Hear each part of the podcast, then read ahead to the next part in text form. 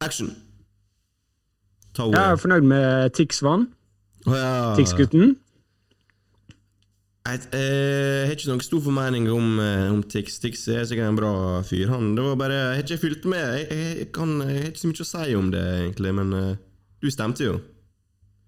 Du, Jeg sta- Nei, jeg rakk ikke stemme. så tror du stemmer for Fredrik?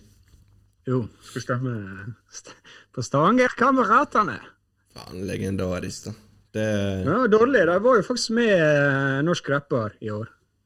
I, eh, i miksen. Og Big Daddy Karsten med låta 'Smile'. Veldig trivelig låt. Nådde ikke helt til finalen, da, dessverre. Men det eh, sånn masse på en gang eh, den kvelden. der. Det er ikke mange sånne forskjellige finaler og jo, men han var ikke med på lørdag nå. Så. Nei. Hvor tid er, blir det Eurovision, da?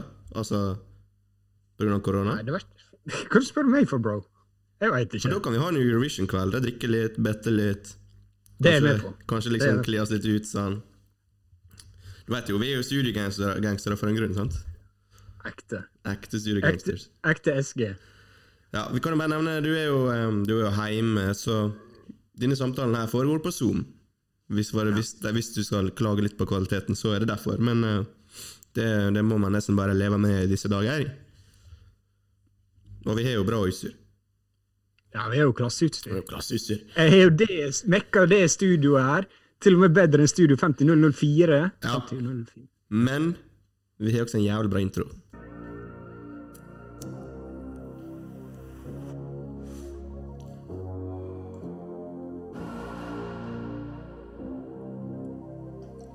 Ny episode av Studio Gangster.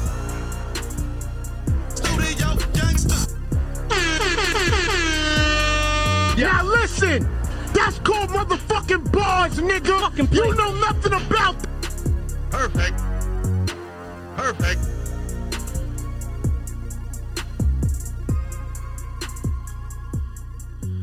Yes, velkommen til uh, ny episode av Studio Gangster. Dette her er episode 18. Mitt uh, navn er Andreas, og Marton er som sagt med meg på et uh, Zoom-call. 2021 starta eh, meget, eh, meget slow, så jeg og Marton må jobbe hardt her for å finne content. Det blir en ny, eh, ny temaepisode i dag. Det blir topp fem debutalbum of all time. Topp fem hver der, altså. Så det kan bli en, en god diskusjon. Det er veldig, veldig mange gode valg ute og går. Veldig mange valgalternativ. Men før det skal vi snakke om det lille som har skjedd eh, siden sist, Marton. Og eh, det var jo som jeg sa, det vi, eh, Det er ikke overflod av ny musikk. Hiphop is dead. Ja, endelig, Nas. Du hadde rett. Ja, endelig, endelig skjedde det. Nei, nå er det sørgelig, ass. Det kjenner jeg savner det å bare kjenne litt på hypen av et stort album. Og, eh, og liksom bare det å få vite på torsdag, i morgen skjer det, våkne opp, å shit! Albumrelease, få på meg headset, skru på musikken, Mm. nyte det eller hate det, hvem veit. Og det er veldig lenge siden vi har hatt den og sett fram til et album eh, også, for det er jo kun surprise drop hvis det skjer, og jeg vet ikke hvor, hvor, hvor lenge Altså, hvor tid var sist vi så fram til et album kjempelenge? Var det ikke i fjor? Ja, men seriøst. Seriøst da, Jeg husker ikke sist det liksom Å, shit. Jeg tror kanskje vi må på Savage Mode 2, for da dropper det en trailer eh, fem dager før, eller noe sånt. Ja. Og det, det begynner å bli liksom Det er en god stund siden det. Og nå, ja, Vi har jo startet denne podkasten for å snakke om Drake, er jo du, og nå er vi snart i mars. Og han er fortsatt ikke droppa. Vi kommer til å følge Studiogangster kommer til å fylle ett år vi før, før han dropper. Ja, da er vi done. Da har vi endelig nådd målet. Jeg og du skal krangle om eh, dette popkulturelle fenomenet Drake. Er han eh, nåtidens Michael Jackson eller Tupac? Er han nåtidens Ja, Det er diskusjon før en annen dag. Men ja, det har jo kommet litt ny musikk. Hva var det som kom? Litt, litt til det. litt til det. Hva var det som kom? Jeg, jeg, jeg så på det her. Slow Tie. Kjenner, du kjenner han? Ja, Slow ja? Britisk. Ja. Britisk rapp er det. Det er- Visste ikke du det? Jeg veit ikke hva som skjedde, men jeg har alltid trodd Slowtow var en sånn syngerapper. Nei.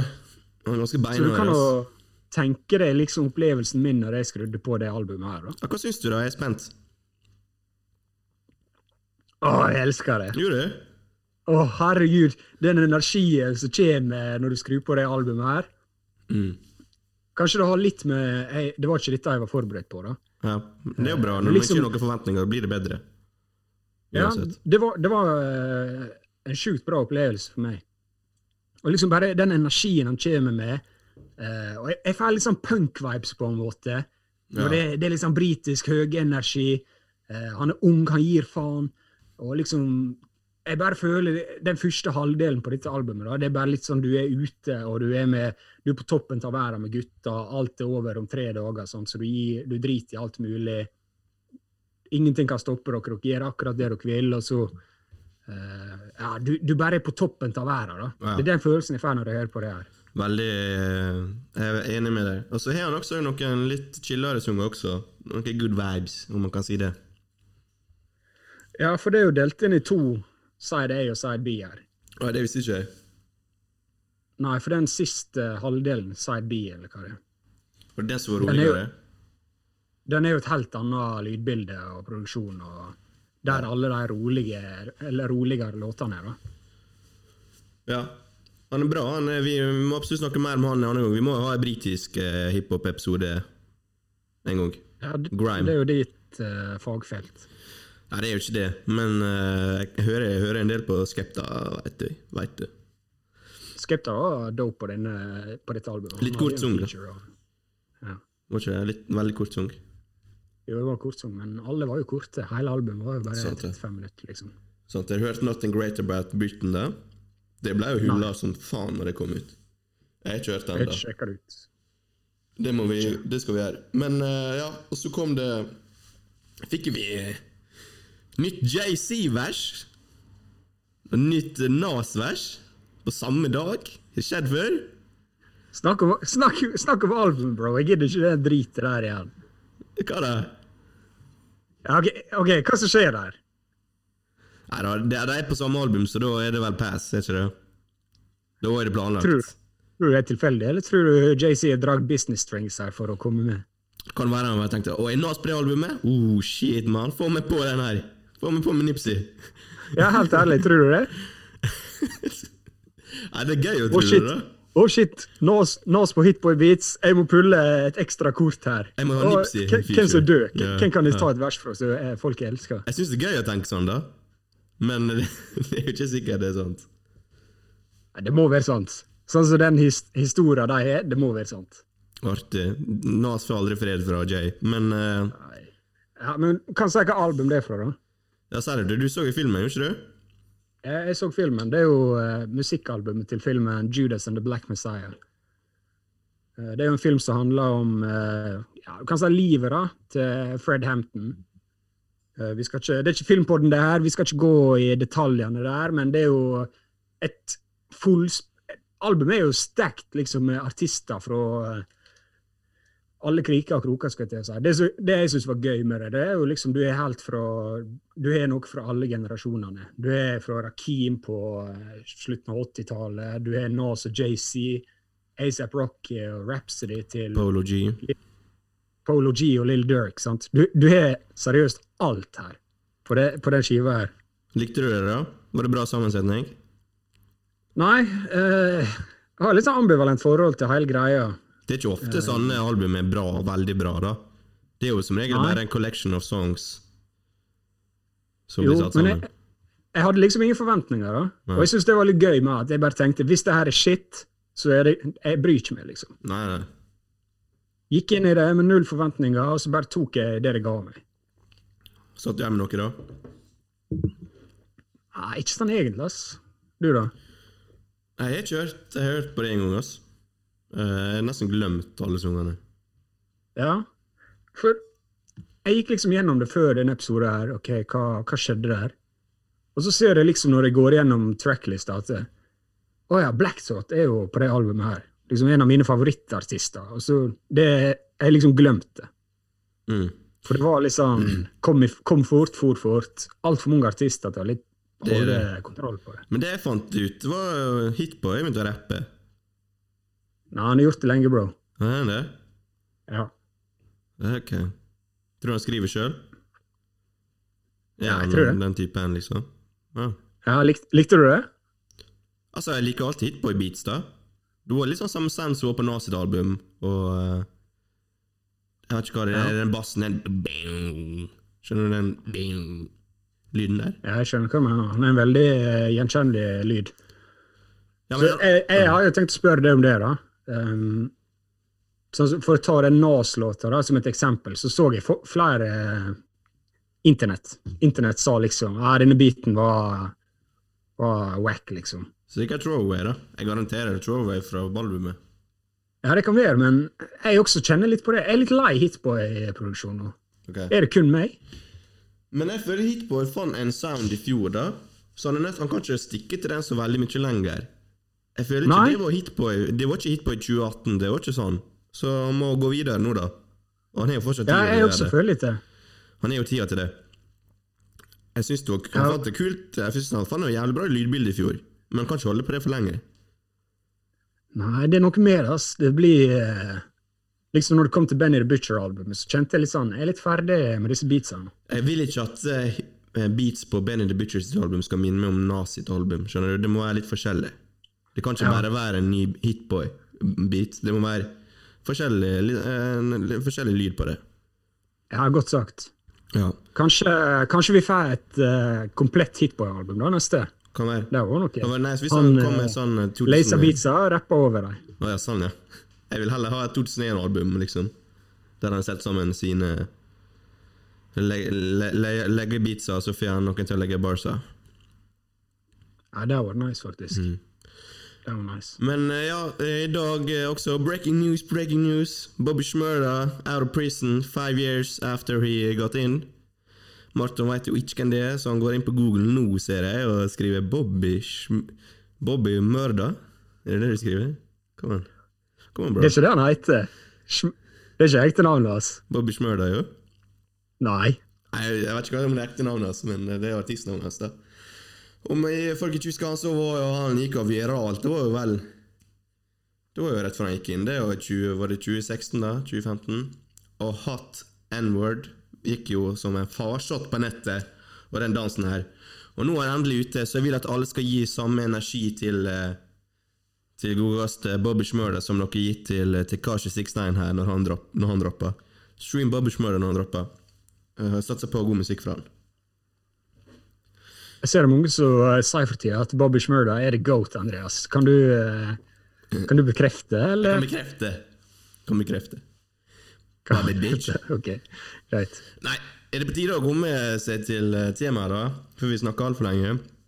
Vi skal jo da eh, snakke om eh, beste debutalbum of all time, og eh, det er ikke noe enkel oppgave, det, så vi har valgt ut våre favoritter slash de vi tror eh, og mener er best. Hvordan har det gått å angripe det, her, Martin? Har det gått for eh, slavisk det, Dette er det beste helt objektivt sett, eller er det noen subjektive meninger inni her?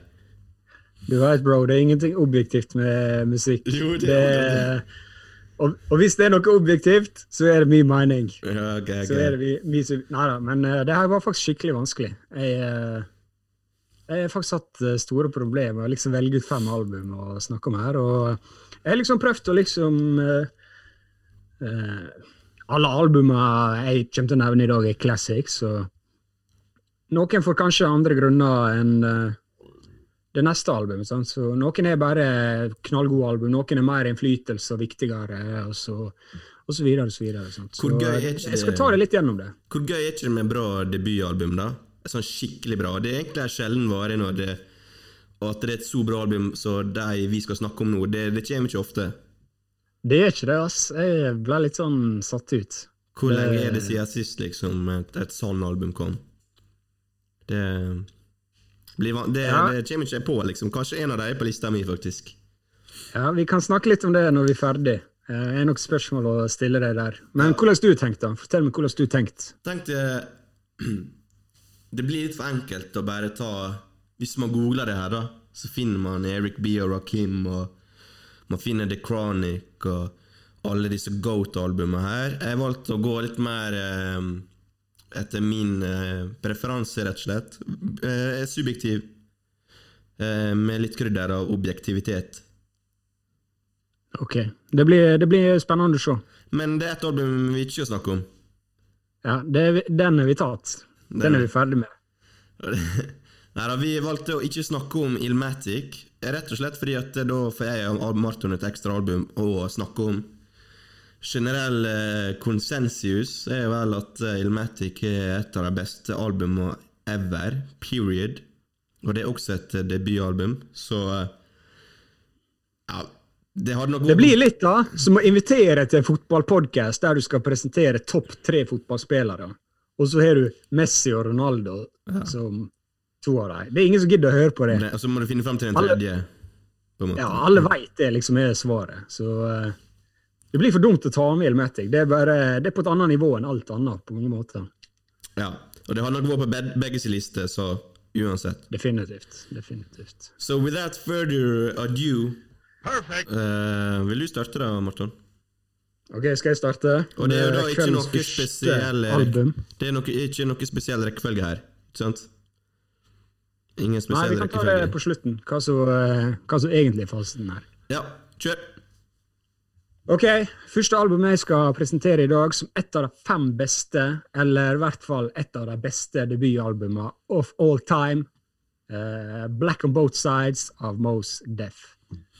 Uh, grunnen til jeg valgte det albumet her, at Mos Def han er liksom ikke den som har den største diskografien å vise til, men det debutalbumet her, det har gjort at vi fortsatt i dag snakker om Mos Def som en av de største rapperne vi noen gang har hatt, en av de største MC-ene vi noen gang har hatt.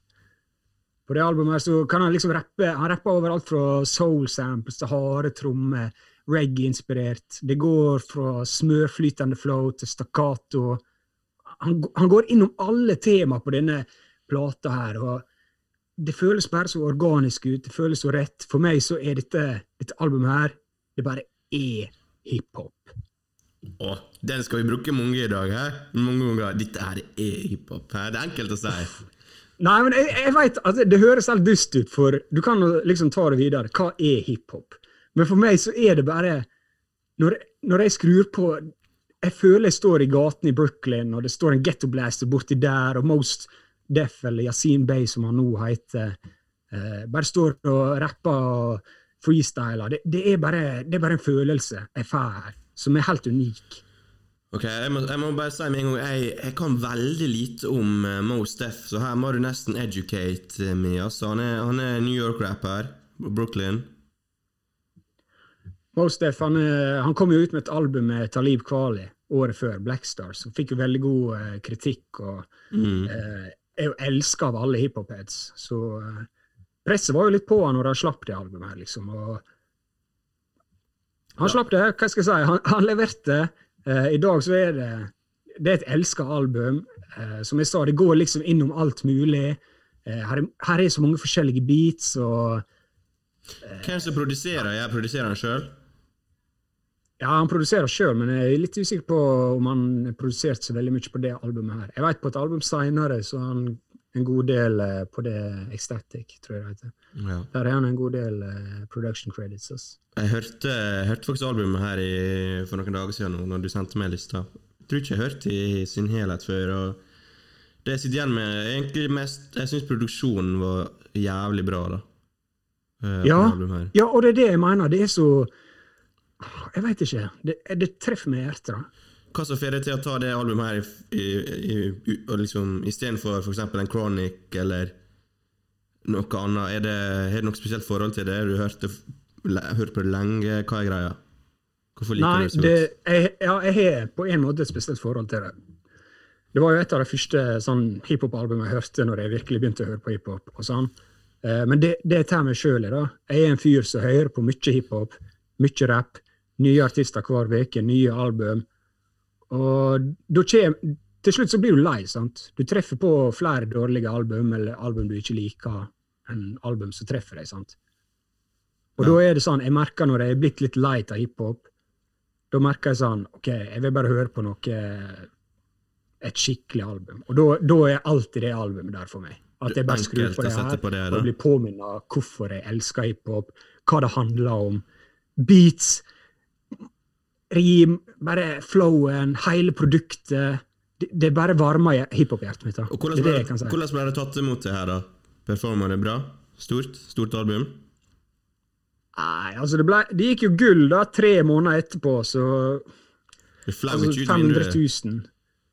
Det er jo ikke Det er jo ikke brak eh, kommersiell suksess, da. Men, Men det er bra nok. Det er bra. Det er solid. Det det er et typisk hiphop-album, og det kom på den i 1999, sant? Det var jo Mm. da ting begynte å bli skikkelig sånn ringtone-rap, bling-rap, eh, kommersielt, sant? Og dette her var jo Stort år, alt altså. Stor tid. Så, Eh, men ma- blir det, blir riktig å kalle dette et undervurdert album, da? hva du sa nå? Blir viktig å, kalle, nei, riktig å kalle det her et undervurdert album? Ja, underverdsatt, i hvert fall. Underverdsatt. Sånn som du sa nå, du hørte det nå eh, for noen dager siden, og du likte det på en måte. Sant? Alle som hørte, liker det. Mm. Men uh, du kunne godt fått litt mer uh, kjærlighet, ja. Ok. Miss Fat Booty. Denne, denne låta her kommer til å bli spilt i klubbene i 50 år til. Ja. 50 år til, jeg sverger.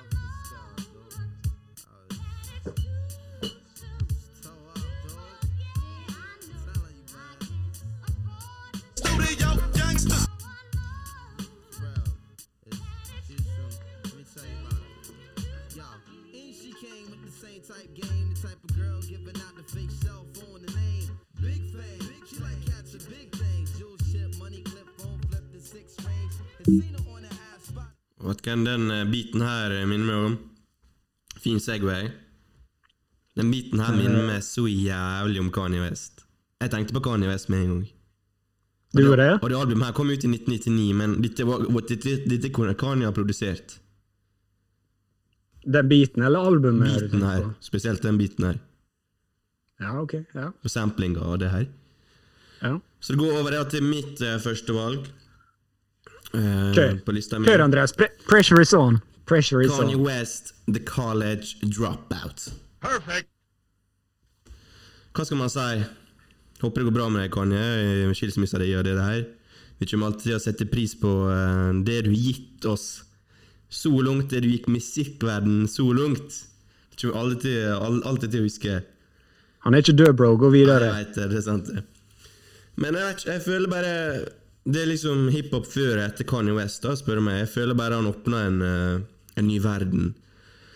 Og han skapte liksom sitt eget space, sitt eget rom. Bare her, dette liksom Dette er Kanye West sitt rom, dette er liksom hans musikk, og det drypper ned på på andre generasjoner, andre rappere som er på, på lik linje som han, og Jeg vet ikke. Det er mange som dreg eh, Kanye mot 50 i 2007. der Det var liksom da gangsterrappen eh, ble- begravd, i hermetegn. Men det starta jo helt tilbake i 2004, når, eh, når det albumet her kom. Eh, Fram til da var jo Kanye bare kjent som en, eh, en produsent. Han var, han var klar til å prove seg sjøl. Det var liksom ingen som eh, Ingen som liksom turte å ta ham på ordet, at han også kunne rappe, kunne lage gode tekster, ikke bare lage gode beats. Han hadde jo produsert for JC, blant annet, før det albumet her, på Blueprint. Uh, så ingen trodde jo han kunne rappe, gutten, men uh, boy was, uh, was everybody wrong. Eh, det albumet her er friskt pust. Spesielt i det klimaet musikkverdenen var i da, i 2004. Jeg føler bare Det er ingenting annet som høres ut som eh, Kanye West. Det, det er jo ingen som lager musikk som han. Så jeg vet ikke. Du, jeg vet du er ganske stor fan av det albumet her, Kanye. Det, nei, Marton, det, var, det feil, var det et feil valg av meg? Nei, jeg syns det er et godt valg. Det syns jeg. Um, definitivt. Sånn som du sier at uh, Jeg liker veldig godt det du sier om det var liksom uh, en, ny, en ny tid da, med gravde gangsterrap og alt det der, med tanke på 50 Cent og sånn. Mm. For det, det jeg syns er morsomt med det albumet, her, liksom i den epoka det kom, Mm. så tenkte liksom Kani West at liksom, jeg skal ha på meg rosa polo. Og si høyt ut 'jeg er kristen', og Piqué altså Han er så utradisjonell. Han har Ja. alltid vært det. sant? Ja. Alltid vært kontroversiell også i valgene sine. Ja, og så tenker jeg litt sånn Ok, greit, det er alltid godt når noe strømmer, eller liksom svømmer mot strømmen, sant? Men har noen liksom sagt til meg, liksom forklart liksom, ok, kjem, han fyren her kommer til å slippe et album sånn og sånn, og sånn, så har jeg liksom tenkt ok, eh, det kommer ikke til å funke. Nei. Men så han, han liksom får det til å funke så bra. Alle de tørre skitsa, vitsene han har i barsa sine, det, det, det fungerer så bra som det er, liksom. Det er som du sier, han, han svømte imot strømmen, da, men han endte jo opp med å lage bølgene for resten av eh, Eller altså Til nå så lager han fortsatt bølger, sant? Så den Ja, det, eh, det, det er sant. Det er sjukt eh, å si, liksom. Men eh, det er sant. Og så, Det var jo på en måte starten av den trilogien. sant? mm. Eh, han har liksom vært, han har pusha, alltid pusha grenser og gjort ting litt annerledes. og sånn. Eh, var det 808 som kom etter? det, ko- etter det her. det var jo det, det som kom etter uh, den trilogien her, da. Det var jo 808s. Ja. ja, for det var jo litt sånn eh, Det var litt sånn det opp banebrytende og autotune og sånn. Og så kom jo Jesus. Uh, nei uh, Først eh, nei, Dark til My Dark Twisted Fantasy, og så kom eh, Jesus etter der igjen.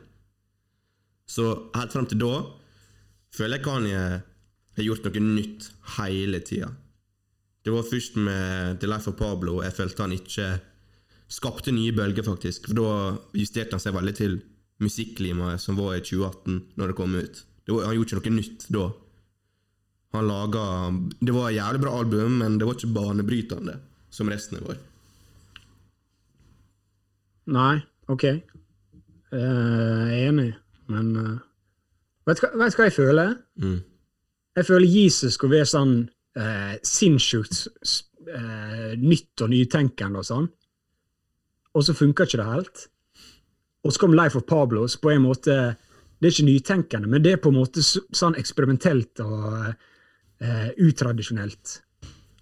Det er ikke noe nytt med det, men det er liksom Det ble på en måte det Jesus prøvde på, da.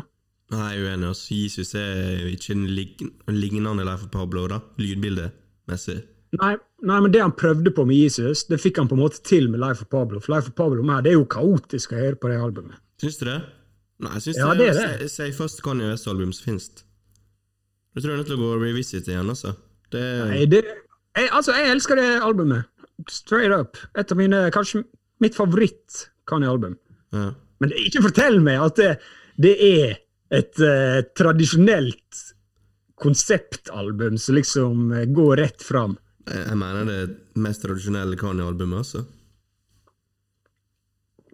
Ok, Da får vi heller være uenige om det. Ja. Greit. The college dropout, certified uh, classic, uh, no, no doubt. Uh, verden var aldri det samme igjen.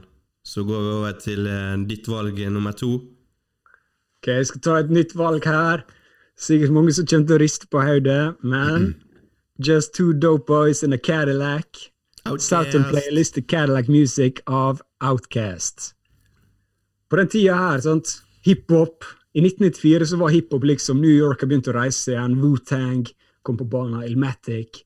Før det var, så var det den solfylte vestkysten, liksom eh, hver dag var en fest, og alle var ute i gaten og sånn. Og så hadde du New York, der alt var liksom den betongjungelen, og du måtte passe deg for hvert hjørne. Så plutselig, ut av ingenting, kommer to 19-åringer i Atlanta-trøye ut i skogen. Hva så hiphop med det? Ut i skogen! Du er ute i skogen på Playerball, uh, Players Ball-musikkvideoen. Hæ? Ja, Og det Ja. snakk du, bro. Ja, og det, det her står jeg for. Det albumet her er ikke bare kriminelt undervurdert, men det er også ekstremt viktig om du ser på Outcasts historie og hiphop generelt. Uh, det, det er jo mange som sier dette her er det svakeste Outcast-albumet. Og det, det kan jeg være enig i, men det er fortsatt bedre enn det beste albumet til mange, mange, mange andre rappere. Svakeste Outcast-albumet. Er ikke det Fire Idol, eller hva det heter? Det siste? Idlewild, ja, men jeg hørt det. Det, er bare, det er for en film, veit du. Ah, ja, så det, Det er ikke det ikke? Det er ingen som bryr seg på det. Det telles ikke? Ja. Outcast er jo uten tvil en av dine favoritter, da, så det er ikke noe overraskelse at det albumet her er, er med. da. Jeg elsker jo Eight Aliens og Dobby og Hopelicious. Sa jeg det riktig? De er så sjuke navn, da! Hva det heter det albumet her? Jeg klarer ikke å si det. Det nyeste. Det er enkelt. Det du snakker om nå. Du klarer å si det? Southern Playlist Psychedelic Music. prøv igjen. prøv igjen. Southern, Southern uh, Playlist Psychedelic Music. Southern playlist Cadillac Music. Hva, vet du hva meninga med De finner bare på sånne ord, de. Det er sånn Ja, det er, men det, det er det jeg elsker med dem. Og det her, jeg syns parallellen da, eh, til debutalbum, og hva- viktighet det har på sånne artister. Sånn som du sa Kanye. sant? Du sa, du sa at Kanye liksom eh, pusha grenser og prøvd nye ting og sånn og sånn. Og vi har akseptert det. Vi vet at Kanye er en bra artist. Derfor har vi liksom vært med når han har prøvd nye ting og gitt han aksept for det. Og det, her mener jeg, Hvis ikke Outcast har hatt et liksom litt sånn tradisjonell eh, boombap-album som er veldig speisa da, fra liksom Southern uh, traditions and music. sant? Så har de aldri kunnet lagd 80 Aliens, Aquemini, Stankonia uh, Stankonia, sant? Så var, eh, Det bare knuste alle vegger, tak og glasshus og alt sånt. Ja. de har liksom aldri fått den aksepten, da, tror jeg. At liksom den aksepten for å prøve nye ting, eksperimentere, eh, pushe grensene, er mye større da, enn hvis du aldri har hatt de litt mer sånn tradisjonelt eh, ruta albumer. Eh, for du allerede har en fanbase, du visst hva du er god for, og da kan du liksom du kan tørre å ta de liksom risikable valgene, og kanskje til og med få større aksept for dem også. Enn hvis du bare kommer på banen, du har aldri gjort noe, du er bare et sånn superkreativt menneske fra før av som vil prøve nye ting, og så finner du aldri plassen din. Skjønner du hva jeg mener? Det som jeg syns er så sjukt eh, bra med Outcast, er at eh, de har en helt sjuk evolusjon på hvert album. Fra det albumet her til 80 Aliens, til Aquemini og, og videre. Hver gang. Det er progresjon hver gang. Hæ? Jeg, Ja. jeg, elsker, vi er- elsker Outcast, så kanskje forstår vi ikke at det er Outcast-episode. Nei, altså, jeg er veldig enig, og uh, som jeg sa, liksom Det er det som Dette albumet, da, det, det er bare så bra. Uh, at de var 19 år, eller kanskje 18 år, når de begynte å spille inn det her, og Big Boy og Andre liksom legger ned bars på bars på vers på vers som er bedre enn hva eh, rappere som har rappa i 20 år, noen får til. De, hø de høres bare Jeg blir fortsatt liksom Jeg har hørt på dette albumet 3000 ganger. Jeg blir fortsatt blåst vekk når jeg hører på det albumet. her. Bare hva de fikk til, hvor gode de var, og liksom hele produktet, da. Ja. Sånn som for eksempel eh, Crumbling Herb og Faen, det er Ja. så bra sang det er. Players Ball også. Ja. Ja, Players Ball er en av de beste hiphop-sangene noen gang, liksom. Og det er på det albumet her. Kom 1994. Det er året du var født, liksom. Og likevel her synes jeg også det høres jo ikke ut som tradisjonell uh, hiphop på 90-tallet. Det, det er noe helt unikt, altså. Og det albumet her ja, mm, ga definitivt grunnlaget for resten, som du sier. Det er et springbrett for, for karrieren sin, uten tvil. Ja, hvor mye så skjedde ikke i The South liksom, etter det her. Før var jo det sånn som jeg sa, liksom, East Coast, West Coast, East Coast, West Coast. Sant? Og så, ok, greit. The South got something to say. sant? Det var det La oss sjekke ut deg. og... The Source of Words. Det var det han sa, var ikke det? da? Yeah. Men da, da var det kun det albumet her som kom ut når han sto på scenen, eller var det et aliens også? Hva du sa nå? På The Source of Words. Da var det 95, det, eller når var det? 94? Det var, dette kom ut i 94, Source of Wars var i 95, AT Ja. Aliens kom i 96. Ja, så det var liksom South Got Not Something To Say, det var etter det albumet her kom, da. Han sa det. Ja. Ja. Og det, det er jo bare tatt helt av. Ja. ja uten tvil. eh, Jeg eh, støtter det albumet her, Marton. Det, jeg har ikke hørt så masse på det, så jeg kunne ikke ha valgt det sjøl, men eh, Ja, jeg, jeg støtter valget ditt. Takk, Andreas. Skal jeg gå på neste, da? Jeg, jeg, jeg, jeg har ikke helt bestemt meg for hva jeg skal, rekkefølge jeg skal gå på her. Skal vi hoppe litt fram til nyere tid? Skal vi holde oss på 90-tallet? Hva tenker du? Ta, ta litt nyere, du. Ta litt nyere? Ja. Ja, da hopper vi fram til 2003. Hva, hva skjedde da? Hvem var verdens største rapper i 2003? Andre, André, Andreas, an. please ikke. Hvem var verdens største rapper i 2003? Please ikke gjør det her. Hæ? Oh, jo, ok, greit. 50 Cent. 50 Cent. Og verdens Cent. Største rapper. Jeg, jeg trodde du skulle si noe annet der, Jeg men tror jeg vet hvem du 50 trodde jeg skulle si. 50 Cent, verdens største album. Nei, verden, ja, det kan man nesten si også. Verdens største album. Fy faen, det albumet her. Hvor det tok av, og den Hva, hypen hva album snakker du om, bro? Du snakker bare om om- 50 Cent. Du må si hva album du snakker om. Get Rich or Die Trying av 50 Cent i 2003. Det er det vi snakker om. Om du ikke forsto det til nå, så snakker vi om det albumet. Uh, ja, det albumet her uh, vi, vi sier litt ofte Det har ingen skips og sånn, men uh, det albumet her, det, det bomma ikke på én sang. Alle sangene treffer. Eh, 50 tar over verden med det albumet her. Det skyter han rett til toppen. Fra 0 til 100, nesten.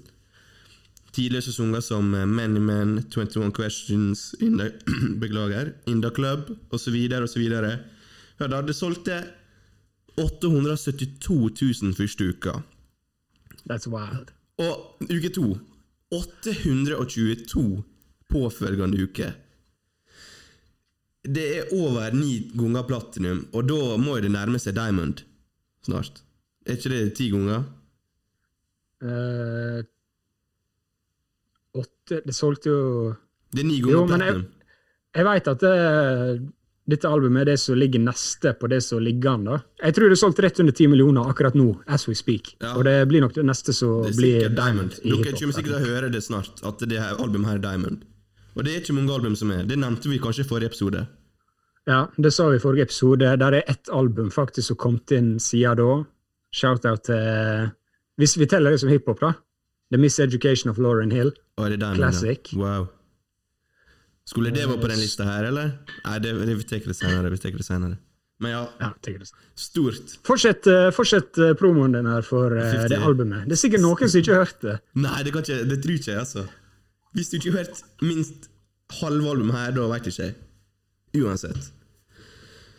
Eh, ja, men han 50 gjør jo alt på det albumet her. Han rapper jo uh, som bare juling på tunge beats, og han kombinerer det med R&B-hooks på noen sanger, love songs som 21 Questions, udødelige sanger over hele linja, og uh, executive produsert av både Dr. Dre og Eminem, som da signerte han og valgte å ta en sjanse på 50 Cent etter han ble skutt eh, ni ganger. Det var ikke Det folk kanskje ikke veit, eller det som var med 50, var at han var egentlig ganske kjent i sånn undergrunnen, eller i, i- i street-miljøet ganske lenge, og ganske fø, lenge før det albumet her, rundt 2000-tallet.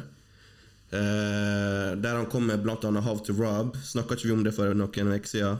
Den sangen, How to Rob. Der han Ikke på, ikke på podkasten. Nei, men der han dissa i hermetegn eh, flere aktuelle rappere, fikk ekstremt mye oppmerksomhet. Eh, Så ble jo han skutt, da, eh, og da var det på en måte Da var det ingen major label som ville signere han, og mente det kom bare trøbbel med den fyren her. Og um, trøbbel kom jo det også, men fy faen til en suksess han, han hadde med det albumet her. Og det er nesten ingen som kan måle seg. Og i 2003 her så er det Da eier 50 Cent og Aftermath og Slim Shady De eier, eier rett og slett verden. Det, det er så stort. Det er Jeg blir tom for superlativer, altså. Hva du Føler du du, føler du at 50 Cent er på en måte eh, en av de mest vekkaste talentene i hiphop? Når du liksom ser på hva skjedde etter det her, og hvor lite aktiv han har vært. Jeg føler liksom Hvordan kan du være så stor og på en måte være så irrelevant i dagens Musikk til verden, da.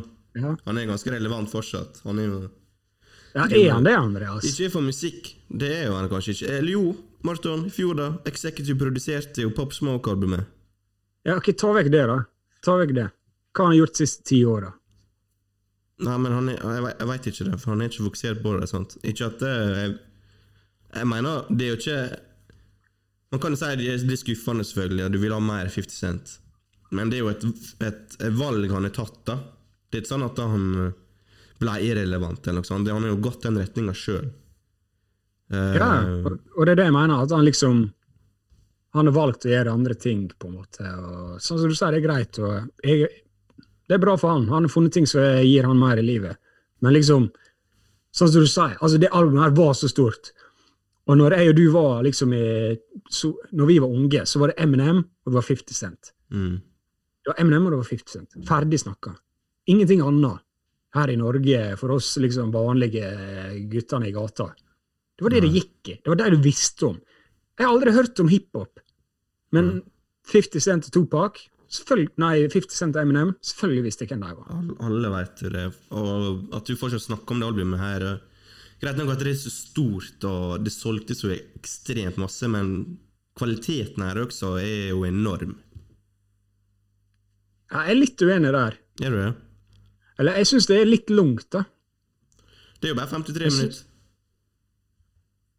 Ja 53? Mm. Ok, sorry. Jeg har extended, eller deluxe-versjonen foran meg her. Ok. Eh, Men ja, det er sant. Det er sant. Jeg husker, jeg husker det nå. Ja, ok, greit. Jeg trekker, jeg trekker Trekker du tilbake? Jeg kan skjønne hva Altså De, de hitsa som er her altså, Greit nok at uh, hvorfor gjorde ikke mer etter det her, og sånn, men hvor mange er det som kan skryte på seg de sangene som er på det albumet her, da? Ja, det er jo Nei, det ikke bare mange som når, når opp. Ja. Men, men Jeg er enig. Altså, det, det er definitivt Altså På en måte, Dette her er så mange nivå over alt annet 50 gjorde også, på en måte. Han har aldri vært den artisten han var, basert på det han gitt ut, hvis du bare har fjerna dette albumet. Aldri. Ingen har visst hvem Ingen i, i gåseøyer har visst hvem han var. sammen sånn. Det, det er bare så enormt, det albumet der. husk på, den hypen før her også var ekstremt stor. Du får vite liksom han er signert av Eminem og Dr. Dre, som er de største der og da. Alle liksom vet sånn liksom, halvveis hvem en 50 Cent er, og vet han kom en eh, ganske bra mixtape med How to Rob-sungen på der. Og så leverer han da til de grader. Og har man forventninger, så blir man som oftest skuffa, mener jeg. Har man høye forventninger, og jeg tror ikke folk ble det her med det albumet. Her ble de blåst i bakken. Så Ja, det tror jeg også. dette albumet her hadde vært eh, det går ut, altså Dette albumet har vært uansett om Millimatic var på den lista her, for å si det sånn. Det kniver iallfall, hvis man skal kalle det altså debutalbum. Hvis man skal ha den Spør du meg, så kniver de ganske hardt hvis man skal liksom bare snakke om debutalbum i gåse- gåsetegn. Ok, så du mener uh, Ilmatic og det her albumet er om ikke likestilt, i hvert fall i nærheten? Hvis så skal man legge til sånn kommersiell suksess og, og hvor stort det er og sånn, ja. Så kan man snakke om eh, innholdet litt annet, på en litt annen måte, men, men hvis man adder alt opp, så ja. Det mener jeg. Jeg syns det som trekker på det albumet her, da, hvis du skal sammenligne det mot uh, Ilmatic, eh, så er liksom Det er kanskje ikke så tidløst, på en måte. Eh, det er veldig sånn sjøltillit du får når du skrur det på, hvor bra det høres ut. Det bare høres helt vilt ut, sant? Mens kanskje det er ikke så tidløst sånn, sånn egentlig. Skjønner, skjønner hva jeg mener? Du, altså, du du- kan liksom ikke bare sette på dette her i 2050 til en 13-åring, og han tenker liksom Jeg tror det. Satan. Det Det 50 deg Cent rapper om her, det er akkurat sånn som skjer ute på gata her nå, eller, eller liksom De metaforene og de, den historien han forteller, det er liksom jeg føler, det, jeg føler bare dette albumet, mer enn alt annet, det er bare, det er bare kult. Men det kan være fordi jeg elsker den tidsperioden her, da. Men ja, det høres ut som det kom på midten av 2000-tallet. Tidlig 2000. Det gjør det. Men jeg syns bare det er så forbanna bra uansett. Ja, det er jeg enig i. Det, det er forbanna bra. Og introen her Vi snakker om uh, harde introer som Ambitions as a Rider. Kommer den her, da.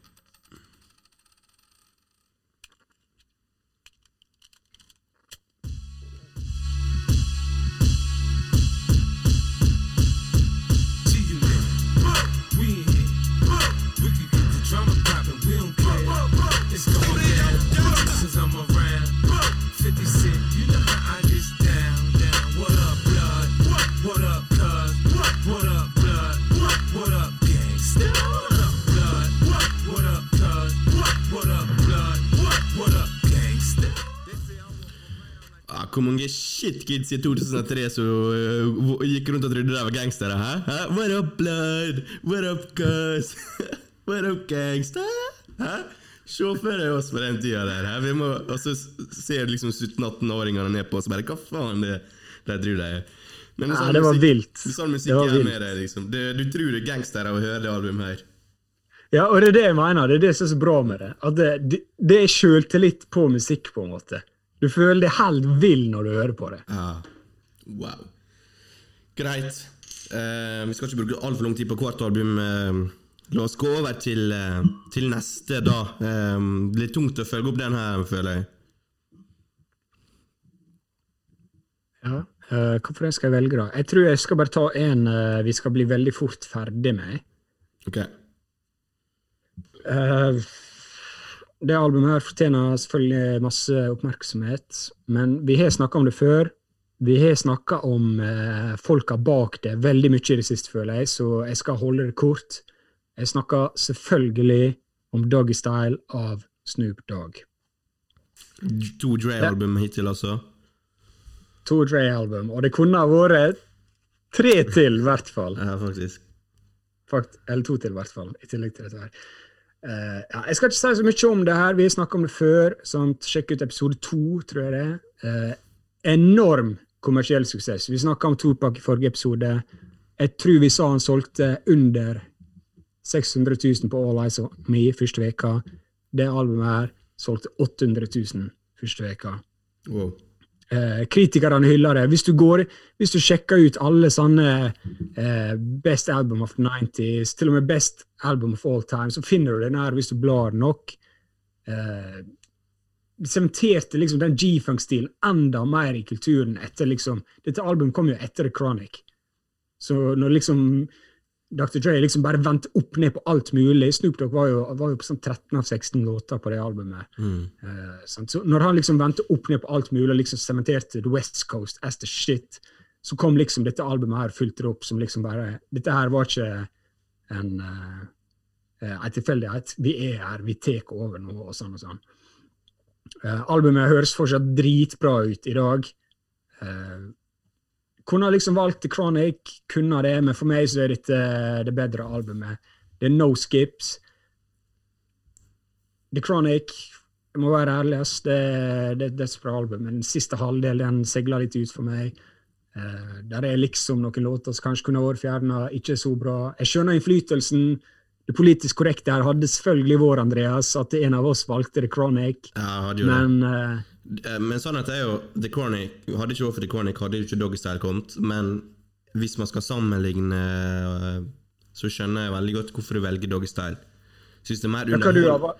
hva du har valgt, liksom? Ja, jeg har valgt Doggystyle sjøl. Eh, altså, jeg syns det er mye mer underholdende album. Eh, beatsa her eh, er tidløse, som du sier, og Dre har bare perfeksjonert verket sitt. da. Dette er peaken av Dre sin eh, produksjon, spør du meg.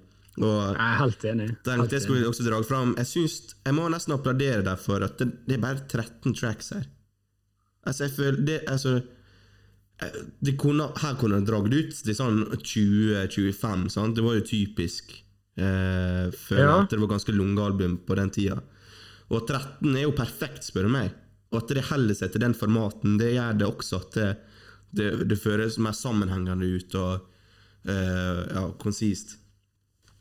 Ja, og det er jo litt av grunnen til jeg velger det her foran uh, The Chronic. The Chronic er ikke så mye lenger, men det ender opp med noen skips.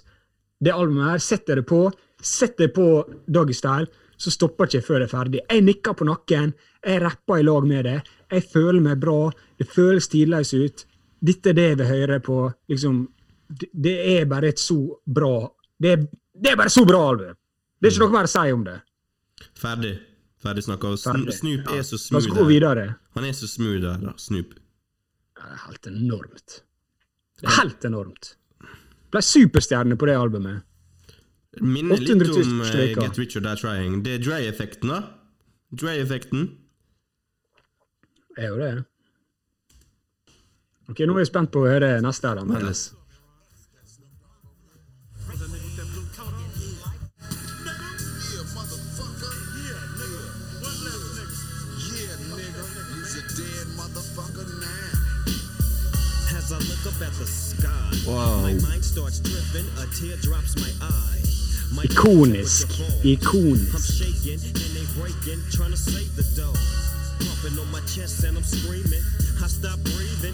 I see demons. Fy faen. Murder was the case. Hæ? Hvor sjuk sang er ikke det? Jeg, jeg, jeg har endelig glemt den sangen. Jeg rediscoverer den nå, liksom. Fy faen, den er så bra. Ekstremt. Altså, ja, og det er litt sånn som du sier. Den låta er på dette albumet, her, og du glemmer den, liksom. Ja. Her, her er så mange bra låter er jo på det albumet. Her. Så mange bra hooks, så mange bra liksom, følelser du får av det albumet her. At du, du drukner i det, rett og slett. Vi går over til neste. Skal jeg ta neste Dre-produksjon her? Da har vi tre Dre oh, vi kanskje har fire. Wow. Jeg tenker meg om. Det er det jeg mener, bro. Det betyr vi kansellerer Dre. Dette her går ikke lenger. Hva som skjer? Vi dickrider Dre her. Ja, det er det vi sier. Vi må tilbake til Oh. Griselda. Damn, bro. Ok, Dre. Uh, ja, jeg så han var i In The Booth. Uh, det ryktes om nytt Dre-album. Ikke hør på Andreas. Hver gang han forteller meg det kommer et nytt album, så går det et ryktes om nytt. Dre-album uh, Ja. med gutta sine. Men eh, ja, okay. vi går tilbake fram eh, i tiden, vi. Til 2005. Hvem som var verdens beste rapper da, da, Martin? Dette, er liksom Nå- whack take. Nå, nå kan du si Det nå kan du si det skal vi si, du, du trodde jeg skulle si i stad. Uh, bli ferdig. Uh, bli ferdig. At jeg gidder å ha en podkast med deg i det hele tatt. Bro, er du blind, er du blind i ørene dine, holdt jeg på å si? Er du døv? Ja, bli, bli ferdig, sier jeg. The Bli ferdig. Documentary of The Game 2005. Skal, jeg, skal du bare hetse meg med en gang? Nei, bare, bare snakk, du. Få høre saka di. Få høre saka di. Hvorfor dette her er et av beste Altså, det er jo ingen tvil her om at produksjonen og futuresene her gjør, gjør sitt. Og de gjør sitt veldig bra. Det er jo executive produsert av Dre, igjen, og 50 Cent, faktisk. Han er produksjon av Kanye her, Timberland, Just Blaze, Futures of Eminem, Nate Dogg, Buster Rhymes. Og selvfølgelig 50 Cent, da, som er over hele hele skiva, så de sparte absolutt ikke på, på kruttet på The Gamer. Altså, de hadde tydeligvis eh, stortrua på den, den karen her, som ga han så masse kanoner på albumet sitt. Eh, og Du er ganske heldig når du får en av de produsentene her, men han hadde liksom den lista jeg nettopp eh, nevnte. Eh, uansett er det det siste gangsterrap-albumet som, uh, som er en classic? Må vi helt tilbake til 2005? Fins det gangsterrap i dag? Spør du? Mm. Hva, hva mener du? Ok, ta Daytona, da. Hva Nei, det er ikke gang, det er jo coke-rap. Ja, ok, greit. Hva Gangsterrap er jo 50 Cent, det er jo Det er jo Dr. Dre, det er jo NWA, det er jo Obi Trice. Iallfall siste som er classic. Men eh, om jeg skal si noe negativt om det her, da, så var det jo egentlig litt det jeg sa innledningsvis her. eh, 50 Cent setter så et, et så tydelig stempel på det albumet her, og de største sangene er jo 50 Cent på, som Hated or Love It. Og for The Game er nok det litt kjipt, spesielt med tanke på at de beefa ikke så lenge etter albumet kom ut. Uh, The Game var jo med i G-Unit uh, når det albumet her kom ut, uh, men ikke så lenge etterpå så ble han kasta ut av det, eller han stakk fra G-Unit, og 50 Cent og The Game egentlig beefa siden av det før de ordna opp for et par år siden, tror jeg. Uh, Beef dør aldri, aldri hvis 50 Cent er med i den. Det liksom Aldri. det- 50 Cent slipper ikke ballene dine, liksom. Så um, Men skal man se bare på innholdet, da, eh, den faktiske musikken her, og hvordan det presterte kommersielt, så er det Ja, det er monster. Det er et monster. Det er, nest, det er ikke like stort som Get Rich, men um, Har du tallene? Nei, jeg kan finne det om om litt. Men ja, jeg bare elsker sounden på det albumet her. West Coast, uh, gangsterrap, rett og slett. Uh, det holder seg sjukt bra, det er tidløs. Uten tvil det beste The Game-albumet, og også noe av det beste 50 Cent vi har hørt utenom Get Rich. Så som debutalbum så måtte det bare være på lista mi også. Jeg hørte masse på den eller mindre, og hø- kan fortsatt sette på den her skiva når som helst. ass. Så da kan jeg bare ta imot heiten, da, tydeligvis. Ok, så litt, eh, litt av min greie her, da, det er jo at uh, The Game er jo åpenbart en ekstremt eh, han, han er karisma. Han er flink til å rappe. Han er, han er stemma. Men altså Det lyriske han leverer, er jo noe av det verste som har skjedd siden eh, Hamsun døde, skulle jeg til å si. Altså, det, det er 90% av teksten hans, og jeg kødder ikke, Andreas. Dette har det vært gjort forskning på. At han har en referanse med liksom navnet til en rapper i annenhver bar gjennom hele historien hans. Altså, siden han ga ut et album til i dag, så er der nevnt en rapper på hver fjerde linje. Eh, det var, jeg er full- jeg er fullt klar over det, albu- det Martin. Og det, det høres så wack ut, for det, det høres ut som alt han gjør, det er å dickride alle de store. Dr. Dre, Eminem, Nas, JC, eh, 50, når det, det var greia. Altså, eh, og alle Han, han har laga ei hel låt på lista på album. Han, han er det, og det er helt riktig, Morten. Og, og det, det som er verst for meg, det er at han fortsetter med det utover hele karrieren sin. Men dette er det Ja. første albumet hans, og det er liksom Når jeg var mindre, syntes jeg det var ganske kult at han nevna så mange og, og ga folk lov og sånn. Jeg syns det var kult at han name-droppa folk på, på smarte måter, sånn, men når du gjør det på hvert album deretter også, så blir du lei av det. Og derfor kan jeg forstå backlashen med at det, Ok, da syns du det samme om The documentary, men jeg mener ikke at den oppfatninga bør ødelegge det albumet her. Nei, altså, jeg, jeg er med på hva du sier, men uh, det- det bare ødelegger så mye for meg. For det er ikke sånn som du sier, det er på hvert album. Det, det, det er i hvert vers. Og det, det er greit, liksom. Nei, det, det er ikke Det er hvert vers, det- det- men det det, høres- det er veldig ofte Ja, statistisk er det i hvert, hvert vers. Ok, Men i all, ikke på det albumet her. Det er ikke hvert vers. Det Nei, det er greit, men hør her, her, hør albumet her, Andreas. Her er, her er det 17 låter utenom introen. På ni av de, på ni av de låtene, altså halvparten av de låtene, så har du enten Buster Rhymes, Mary J. Blige, Nate Dogg, Eminem eller 50 Cent. Fate Evans også. Ja, Ikke fortell meg at dette, dette debutalbumet her, det er bedt av andre artister. jeg, jeg skjønner tankegangen her, og jeg mener det er greit å ha futures her, men det er uvanlig å ha tre futures av samme person, da, som The Game. Nei, som, eh, som 50. Det er uvanlig. Det hadde ikke jeg gjort. Og det var jo masse debatt om at hvem som skulle egentlig ha disse sangene her. Det skulle være på G-Unit-album, skulle det være på 50 Cent-album. Det endte opp på Documentary. Jeg tror ikke det var egentlig meninga from, from the start, på en måte. Ja, Sånn jeg skjønt, så er beefen da imellom begynt på grunn av det. Det skulle egentlig være en 50-låt, og så ble den gitt ut på det albumet. Documentary. Helt sikkert. How we, how we Do, eller hva det var. How we do.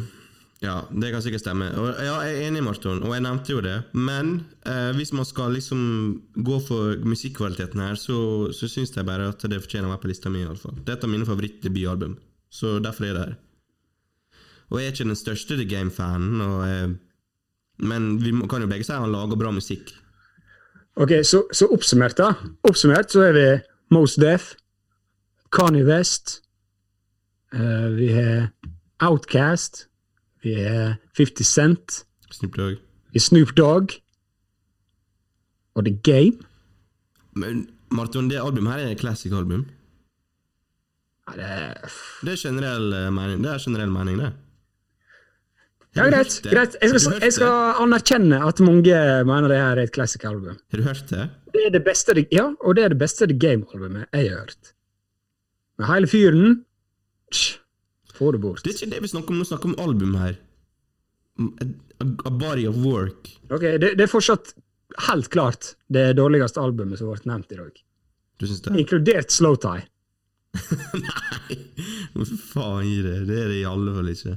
Nei, for real. Det, det står jeg for. Mm -mm. Classic album. Og de som veit, de veit. Jeg veit det er mange som backer meg i ryggen her. Bare fordi at du hater på Jeg, det- jeg skjønner kritikken mot eh, The Game. Jeg syns han er corny i dag. Jeg syns det. Det Det, det problemet da, med at eh, dette her er på lista av eh, beste debutalbum, det er at eh, det er ingenting uten Eminem, Dr. Dre, 50. Du, kan- du kan si det om Kanye West sitt album. Du kan ta vekk Consequence, du kan ta vekk uh, Loopet, jeg vet ikke om Loopet var på det albumet. Du kan ta vekk JC på College Dropout. Det er fortsatt College. Det er liksom fortsatt det albumet. Det er fortsatt Kanye. enig, enig, enig. Men hvis vi må se på det som faktisk er innholdet her nå, da, med de på, så fortjener det å være her. Uavhengig greit. om de, de er der. Det er det som betyr noe, at de er der. sant? Han har fått inn det på debutskiva si. Hadde du takka nei? Nei. Det er greit. Det er verre med Det er greit. Så er Det er er verre med Jay Elec og JC på annenhver sang. Ja, det er det jeg mener! Du gir kjempekritikk til J-Lek, som hadde JC på albumet sitt. Annenhver sang. Ukreditert, holdt jeg på å si. Og det sto ikke på sangen engang. Ja, og jeg sier til det her, halvparten av sangene har enten Nate Dogg, Eminem, 50 Cent eller uh, Fate Evans, Ja, greit. Mary J. Men Blige. altså, altså for eksempel Buster Rhymes, han er kun på hooken. Sammen med Mary J. Blige og Nate Dogg. Alle vet hvis du er Mary J. Blige på hooken, så selger albumet ditt platinum med en gang. det er greit, det. Lager bra musikk, det er det viktigste Til end of the day. Det er greit. Det er greit. Skal vi hoppe videre da til uh, Dre produserte album uh, nummer sju? Snakker du til meg? Ja.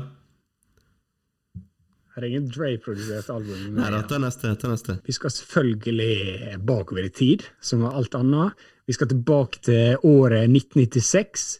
Et av hiphops beste år. Albumet vi skal snakke om nå, det fikk ikke den oppmerksomheten det fortjente når det kom. Det fikk heller ikke den kommersielle suksessen. Litt av det kan vel kanskje forklares med at eh, albumet ble gitt ut gjennom eh, plateselskap til personer sjøl. Vi snakker om Rockefeller Records. Vi snakker om JC, og vi skal til albumet Reasonable Doubt. Self, Self-made millionaire. Uh, ja. Eh, grunnen til jeg syns da, at dette er en av de beste debutalbumene uh, noensinne, eh, det er at det, eh, liksom JC Hove han klarer liksom å Han tar det mafioso-konseptet. Ikke, Han var ikke den første som gjorde det, men han, han gjorde det med enorm suksess. Han, han lagde et helt album rundt det. At han var liksom eh, han, var liksom den fyren som sto midt i hele greia. da. Han eide det. Han framsto ikke som en copycat. Han satte seg sjøl i hovedrolla, liksom som den hustleren han er. da. Så tar han deg liksom inn i hans verden og forteller deg. Det er det jeg liker med dette albumet. her. Han forteller deg hvordan det er. Det er sann, det er sann denne verdenen er. Men er sant? ikke han en studiogangster, da, bro? Er ikke det du mener? Han er studiogangster, han er det. Men han er Men dette albumet her, så kjøper jeg det. Jeg kjøper det. Og han okay. gjør en så solid jobb med det, det konseptet her. Så Ja, for det, Han er, går inn i rolla som en dopeboy her. Så han står på Ja. hjørnet og selger. Pusher dop. ja, ja det er liksom uh, hele det konseptet sant, om å gå på gaten og styre det. og eh, hva, hva vet du, Andreas? Eh, Det er vanskelig for deg å relatere til det jeg snakker om nå. Men, eh, men, sånn, men resultatet er da, det er at han, han har det konseptet, han, han selger det, jeg kjøper det. Noen tar, og, og her snakker vi Jay-Z's karriere. sant? Vi må huske på at det, for mange så er dette the goat. Det er veldig få som har- ikke har han på topp fem. Nesten ingen som eh, ikke har han på topp ti. Og allikevel så kommer det albumet her med noen av de beste JC-låtene noen gang. Vi snakker Som? om The Evils, Dead President 2, Politics as Usual, Can I Live? enkelt noe enda, spør du meg, da, men uh, uh, mange som er i tvil på den. Can't Knock The Hustle, og sikkert det du er fram til her, Andreas, Brooklyns Finest med Biggie. Ja, Når du ser det på den måten, det er eh, litt av et album, ass. Uh, og det fikk jo ikke den kommersielle suksessen på den tida heller, sa du. Nei. Hvorfor ikke det nå- Nådde ikke det ut til massene? Nei, det er jo sånn som jeg sier. da. Jeg tror det er bare fordi Rockefeller. De var, de var ikke liksom Da var de liksom independent, da? På den, altså, Ja, var- Som en indie-label, på en måte? ja, Jeg skjønner ikke den driten av den industrien, da. Uh, men dette var første album de ga ut. Og så etter det så ble de liksom signa til, eh, eller Rockefeller, da, de ble signa med en sånn distribusjonsavtale, som eksempel Death Row hadde med Interscope. Mm. Og jeg tror det var Def Jam eh, de hadde distribusjonsavtale med. da. Så i ettertid så var det mye lettere for dem å få ut albumene sine. Eh, og jeg tror det er mye av grunnen. sant?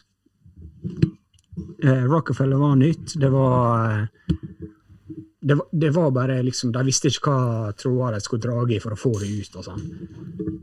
Og Jay-Z sånn, han hadde liksom ikke den Han hadde liksom ingenting fra før. Han var liksom ikke han var ikke etablert, da, kan du si. Mm. Nei, det hørt, Har du hørt hvordan han rappa før det albumet her? Veldig sånn Nei. ukarakteristisk Jay-Z. Veldig sånn, veldig raskt. Ja, ok. Nei, det har jeg ikke hørt. Det Det, det, høres det dårlig ut, liksom? Han rapper jo bra, men det høres ikke ut som JC i det hele tatt. Han, han har ikke rappa en gang på en sånn sang eh, som han har gitt ut sjøl. Men før han bla opp, okay. så rapper han sånn derre Nesten litt sånn Migos-aktig, bare, bare new, gammel style. Ja, ok. Nei, det, det kjente jeg ikke til. Ok. Men jeg, jeg syns det albumet her, da, det, det er så bra. Og det er så mange Det, det er bare så mange bra låter. Og JC han klarer liksom virkelig å fylle tekstene her med liksom eh, ting som høres interessant ut. Seinere så blir han veldig, veldig materialistisk, og liksom han er on top of the world, og ja, det er du, og alt det der, men det er ikke så spennende å høre om, på en måte. Mm. Og her er liksom Det høres så ekte ut, da. Det høres ut som det er Sean Carter som rapper, ikke JC, liksom. Det er, Det, er litt av det som er med debutalbum. Da Da er artistene veldig sultne. Eh, de er keen på å vise seg sjøl på best mulig måte, selvfølgelig, men det er en annen mentalitet, tror jeg, i starten. Det er ditt første album, nå skal du liksom presentere deg for verden. Og sånn er det med de aller fleste, at starten av karrieren sin er nok det aller beste verka deres, uansett. Om det ikke er det første albumet, så er det definitivt det andre, spør du meg. Uh, du tenker generelt, da, eller? generelt, ja, så mener jeg det. Jeg tror også det er derfor uh, dette albumet føles så bra ut for meg. Da. At, uh, sånn som du sier nå, at det er veldig rått. Mm. Det er ikke så kunstig som JC blir over tid, når han liksom er den Billy dollar, business. Han blir litt pretensiøs, Ja. men han er jo en billionær også, selvfølgelig. Han lever ikke den realiteten som han gjorde i 1996. sant? Så musikken vil endre seg, det er veldig naturlig. Men ja, det er noe mer underholdende med det å høre JC og liksom faktisk hvor han kommer ifra på den tida. Han starta på bunnen, han også. sant? Eh, og det er lett å glemme. Alle er jo vokst opp med JC som en kjendis. sant? Lag med Beyoncé og A-kjendis til luxe. sant? Men han var jo bare en enkel drug dealer i starten. Skal vi tro på lyrics hans? Ja, jeg, jeg husker liksom fortsatt når jeg begynte liksom å lære at, uh, om hiphop og liksom Jay-Z var liksom en boomback-fyr. eh, det var sånn han begynte. For meg, så, når jeg vokste opp, så var Jay-Z liksom bare Han var mer kjendis enn artist, på en måte. Mm. Og så begynte jeg til mer jeg begynte å lære om musikk og hiphop, og sånn, så begynte jeg å innse at han liksom hadde et skikkelig New York-album, da, hvis det går an å si.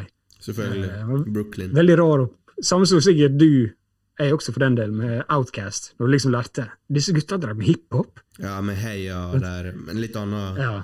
skjønner, Men jeg skjønner hva jeg mener. Det blir Ja. definitivt mer pop og det greiene her. Eh, Hvordan vil du ranke det albumet her, da, eh, i diskoen hans? Syns du det er det beste verket hans? ja, Det har du spurt meg om før på denne podden, Andreas. Og du Det er du. Reasonable Doubt er bedre enn Blueprint? Ja, jeg syns det. For meg er det det. Eh, men jeg, jeg har ingen problemer med folk som sier uh, nei, Blueprint er bedre. Jeg skjønner det 100% Jeg bare føler dette her det er mer autentisk. Det er det. Det, det, det er råere. Det er rått. Ja. Og du hører definitivt at eh, JC, han Han er annerledes. It's a different, different breed. Er det tydelig for deg at det, det her er det beste JC-albumet? Jeg, jeg er så forelska i Blueprint, jeg, da. Ja. Jeg elsker Blueprint-albumet. Jeg kan forstå Reasonable Doubt. Jeg syns jo mange av hans tidligere verk er bra. Jeg. NT Vol 1, Vol 2, Vol 3. Jeg, jeg syns Sett overalt så syns jeg JC er en solid disko. Selv Ja. om uh, Ganske jevn disko. Jeg syns den er høyt bunnivå. Si Der er, der er vi uenige. Eh, Der er vi uenige, Men det er det sånn. diskusjon for en annen dag. Kan gå til et album eh, Ja, jeg tror ikke det albumet her har skjedd uten det albumet jeg skal snakke om eh, nå. Eh, karen står i hylla mi her. Han, eh, han henger på veggen min her også. Det er Notorious BIG, Biggie Smalls, med Ready to Die fra 1996. Eh, ja, hva skal man si? Nei, 1994. Så, nei, 1996. Er Det er 1996, er ikke det? Spør du meg, Andreas, det må du vite. Jeg, jeg, jeg skrev 1994, men det tror jeg er feil. Ja, det er 1994. Det er Ja, det er 1994. Hvorfor blingser jeg med det?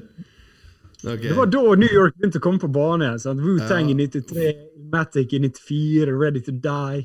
Ja, for det, blir, Det kan ikke komme samme tid som, uh, som det JC-albumet her. det, det kan ikke stemme. Så det var 94. Det er 94, folkens. Ja, og, Ok, hva, og hva skal man si om det albumet, og hva skal man si om Biggie som ikke har blitt uh, sagt uh, tidligere? En av, er det en som i alle fall er på de aller fleste i topp fem-liste, så er det Biggie Smalls. Ass. No doubt. Uh, ingen JC uten Biggie Smalls. Uh, ja, det, er en, det er en kjær nytelse å bare høre han, han rappe. Altså, jeg får med meg hvert et eneste ord, hver punchline. Biggie Smalls er den mest underholdende rapperen på mikrofin, mikrofonen. Uten tvil. By far. Han er, han er så unik der. Han kunne ha rappa over Playboy Carty-beats, og jeg kunne ha fucka med det. Hold up, hold up. Ja. Disrespect to Playboy Carty Jeg her. jeg kunne, jeg kunne ha fucka med det. For okay. Biggie er så, så jævlig tydelig. Jeg finner med hvert ord, som jeg sa. Han eh, er så underholdende. Jeg, han er så witty. Han er så smart, høres ut som. Eh, det alt, han sier alt med et glimt i øyet. Altså, når han sier han er fin og pen og fucking all the bad bitches og alt det der Du tror på han selv om det han ikke så ut som verdens beste fyr, sant? men du tror på han på måten han sier det på. Og alt han sier Ja, jeg, jeg suger det til meg, rett og slett. Og det albumet her er to av de kanskje aller mest ikoniske sangene i hiphop. Altså, det er ingenting som skriker mer hiphop enn Big Papa og Juicy. Altså, come on. Uh, ja, jeg elsker Jeg kommer alltid til å elske det albumet her. Biggie Smalls er Jeg hørte på det igjen nå i forkant av denne episoden her, og det går bare mer og mer opp for meg at det, det, det er ingen som rapper sånn som han. ass. Det albumet her er et av de kanskje beste rappalbumene som finnes. Jeg skal være ærlig, ass. jeg tror ikke jeg har hørt et album på tre år. Da må du igjen eh, må Ja, jeg må det. Men det, det er litt sånn som du sier, at det, du har liksom låter som Juicy og Big Papa her. Så er du Suicidal Thoughts og Who Shot Ya. Mhm. Og så har du Gimme the Loot. Uh. Altså, her er, her er så Det er helt sinnssykt. Det er liksom Kanskje, kanskje Biggie var en av de som liksom virkelig pionerte det og bare hadde enorm bredde. Ja. Ja, ja, i lag med Park, kanskje. Ja, dette kom jo ut i 94. Jeg vet ikke hvor mye bredde Park hadde i 94 på den, på den måten. da. Men liksom, her er du liksom Du har musikk for å gå på fest, du har musikk som liksom handler om at du har lyst til å Drep deg sjøl. være ferdig med livet. Og diss tracks, hvis vi kan si Who Shot You, er det, da. Eh, Og så er det veldig masse eh, rapping om, om knulling. Fy faen, hvor masse knulling det er på det albumet her. Det er helt sykt. men, men Cardi B Det vil det vil ikke vi ha. Hold deg for god for det, da, Kari. Ja, skjerp deg! Nei, da- det er motbydelig. det, det går litt tilbake igjen på det om, eh, Det går litt tilbake igjen på det jeg sa da, Morten. At han, det, underholdningsverdien i det han rapper, i måten han rapper, det er det som gjør det så bra, da. Eh, det er ikke resirkulert her med bad bitch and uh, sucking your man's dick. Sant? Det er ikke det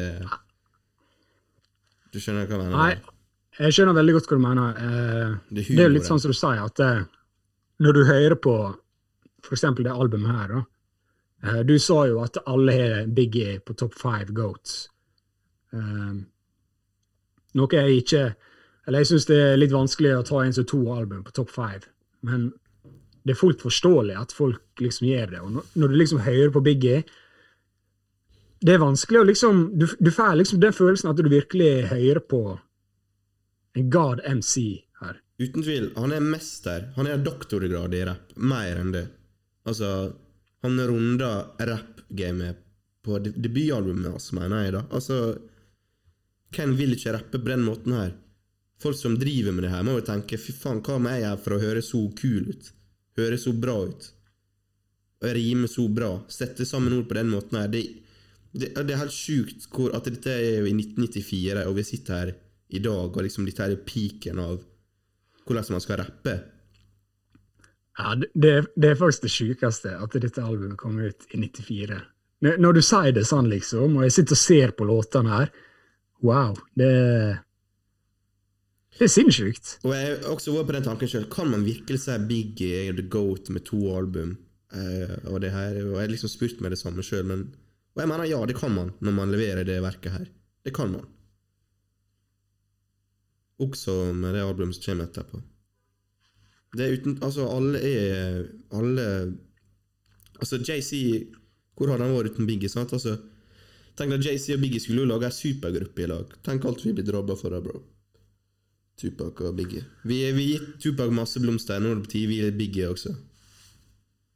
Ja, jeg er enig i det. Jeg er enig i det. Så hvis du liksom uh, kunne fått det, fått på bestilling nå Du kan eh, Du er 100 000, du kan bestille ett uh, Park-album eller et Biggie-album. Og du må ikke velge Biggie bare for du hedrer han her. Bare vær ærlig nå. Ja, det er vanskelig. Jeg føler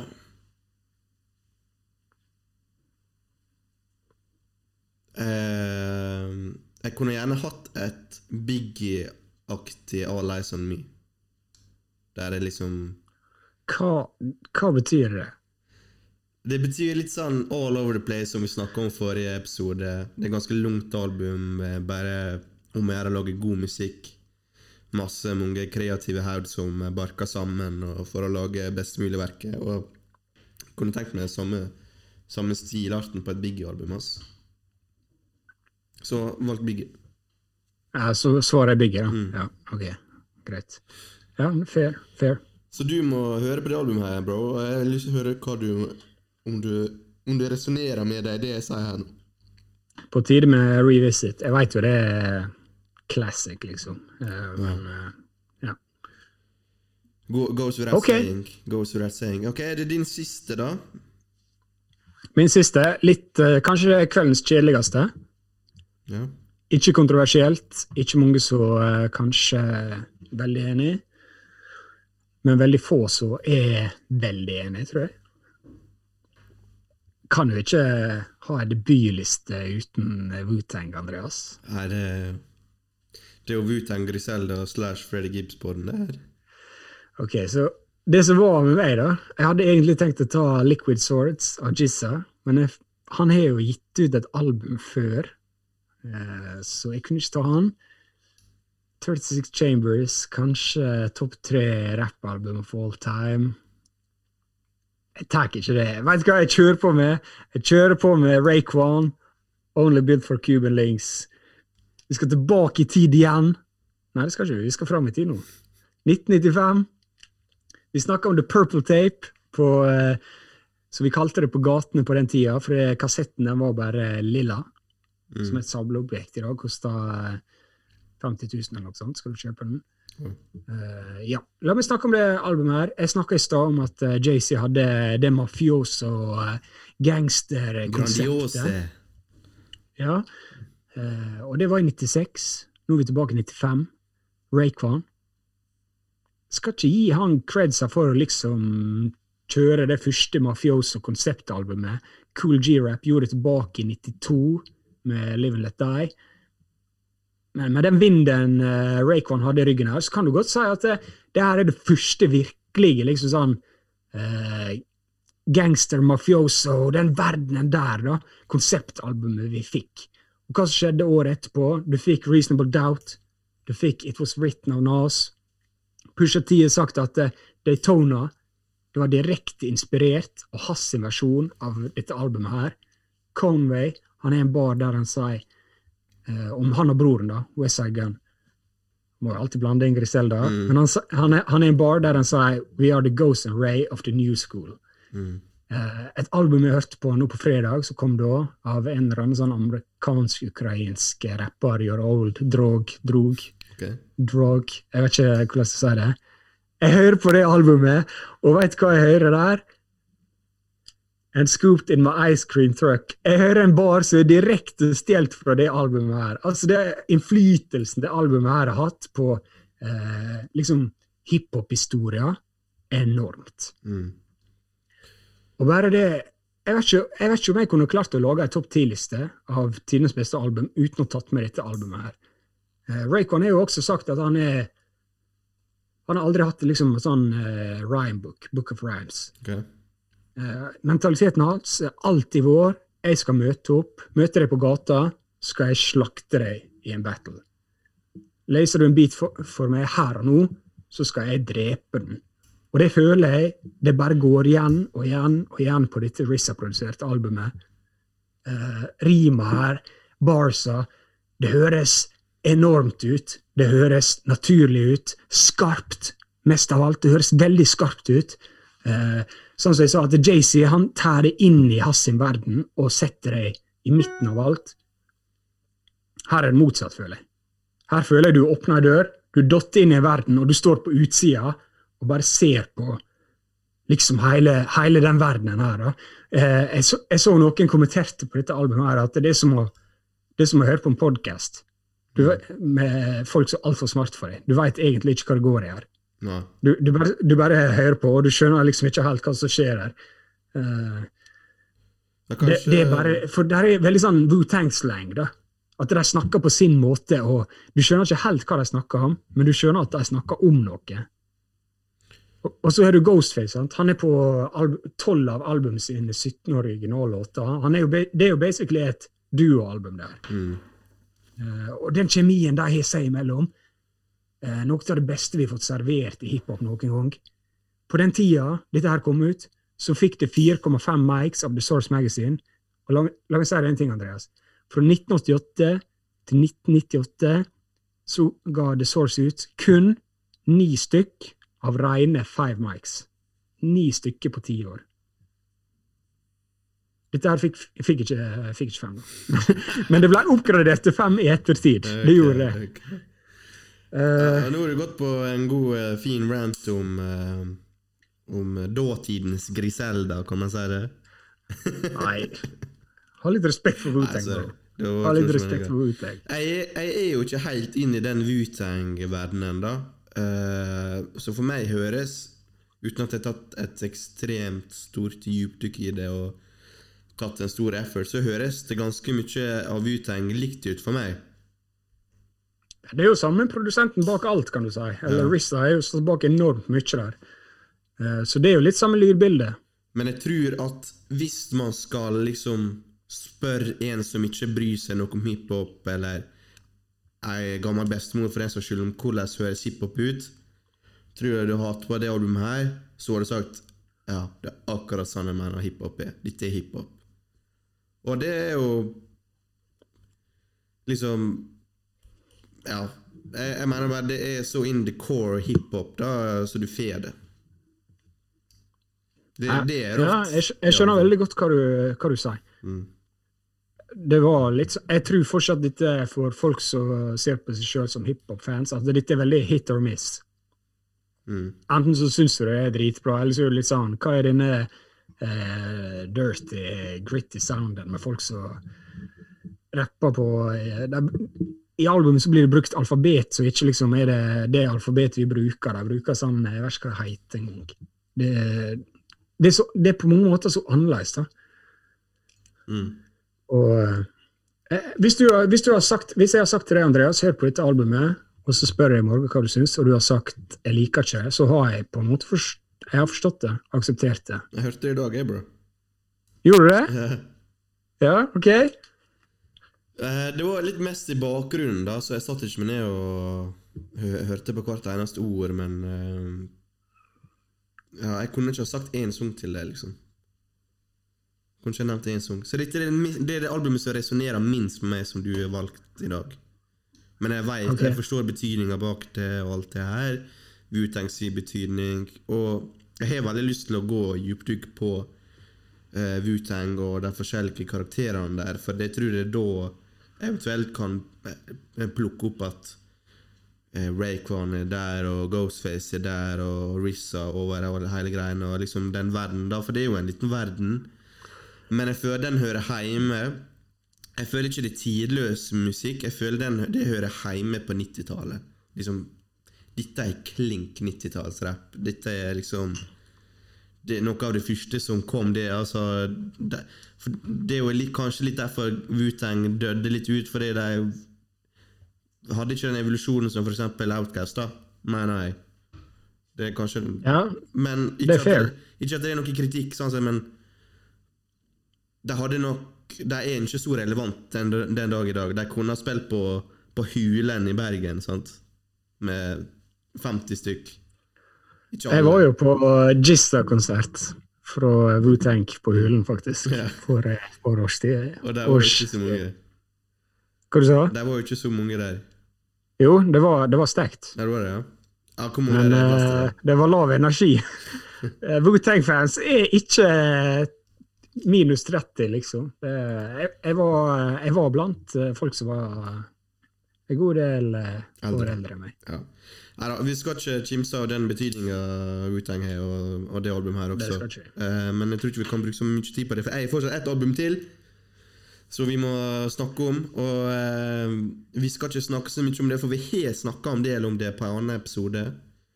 Uh, og det er da snakk om Kendrick Lamar, Good Kid, eh, Mad City, som kom i, i 2012. Vi snakka mye om Kendrick Lamar i episode 11, så hvis du er interessert i Kendrick Lamar Vi går, for, vi går for oss hele diskoen hans og snakka en del om det albumet her også. Så vær så snill, sjekk ut uh, den episoden for, uh, for uh, masse Kendrick-snadder. Men ja, du veit jo hva jeg syns om det albumet her, Morton. Det er et mesterverk, og det kommer til å vokse med meg helt til det dør. Albumet i seg sjøl skildrer på en måte oppveksten hans i, i Compton der, og det er jo nesten en autobiografi om, om livet hans. Og ja, det blir du, kommer, du blir sugd rett inn i Campton her, og et av 2010-tallets aller beste album. Uten tvil. Og tilbake til det vi starta om, Marton. Kanskje det siste debutalbumet, som er en classic. Det tror jeg faktisk det. Og da må vi helt tilbake til 2012. Og det er ni år siden, det. Ok, Så er vi ferdig med albumet nå? For jeg, jeg har noe jeg må spørre deg om. Ja, vi, vi, Vi, eller jeg kan, si, jeg kan si litt enig, da. At uh, jeg er veldig enig med deg i, i det valget her. Uh, grunn, litt av grunnen til jeg ikke valgte det, for det, det blir jo sagt Section 80 er debutalbumet hans. Ja, blir det det? Det blir det. Ja. Jeg, jeg føler sånn at det, Section 80 det ble gitt ut på uh, Top Dog. Mm. Men så ble Top Dog signa med en sånn distribution-avtale med Interscope. Og så kom Good Kid, og da blir det litt sånn Nei, det er nå debutalbumet begynner. Jeg skjønner jeg, jeg, Det er hans første kommersielle Det er hans første debutalbum, kommersielle dropp, det må jo sies. Og det er aller, det, det, det aller fleste sin introduksjon til Kendrick Lamar. Og, men ja, eh, jeg har sett at det er blitt omtalt som et studioalbum. Men jeg har også sett på Altså um, Section 80 er blitt omtalt som et eh, studioalbum. Men jeg har også sett på mange lister nå, da når jeg har gjort research til denne episoden her, at det albumet her er på ganske mange lister. Så jeg vet ikke helt hva eh, Nei, du veit det intervjuet med Kendrick og uh, han uh, leg legendariske barfot-hippien. Rick Rubin. ja. Der snakker jo de om Good Kid, og Kendrick sier jo da eh, Dette her er Han, han sier jo debutalbumet, da, om Ja, det, ja. Good Kid. Så eh, når han sier det sjøl, så er det vel kanskje Da er det på tide at vi kan si det også. Ja, det er jo kanskje det. Ja. Men sjekk ut episode 11, da, som sagt, om uh, mer om Kendrick, så, for vi har ikke all verdens med tid her. Men uh, da har vi Hvor lenge vi snakka? Ja, vi har jo stoppa litt opp, Martin, så jeg er ikke helt uh, på meg. Ja. Men uh, okay, men spørre spørsmålet jeg ville spørre deg om, da, det er at når jeg lagde den lista, jeg syns det, var- jeg synes det var vanskelig. Jeg har 20 stykk på honorable mentions der. Mm. Men det jeg ser igjen, da, det er at eh, nesten alt Hvis vi sier at det er 25 albumlister her, så er 20 av dem før år 2000. Ja. Kjenner du deg igjen i det, eller? ja. Og jeg føler mange av dem er fra 90-tallet. Den Mesteparten av dem er absolutt fra 90-tallet. Eh, noen tror- av- Ja, unnskyld. Hvorfor, hvorfor tror du det? Det er vanskelig å si eh, Og jeg føler alltid det er sånn ja, Maradona er best i fotball, Pelé er best Jeg føler det blir litt samme greia her med Det som kom først, er bedre enn det som er nå. Skjønner du? Jeg skjønner veldig godt, og jeg tenkte det samme. Men jeg liksom, jeg har jo liksom tenkt jeg kan ikke bare ha 90-tallsalbum her. Og så har jeg liksom virkelig prøvd å tenke hva kom etter 2000. Og Hvis vi tar vekk de albumene du har nevnt, som eh, Get Rich or Die Trying Ikke The. Game, selvfølgelig, College men uh, The College Dropout Good og Kid. Good Kid.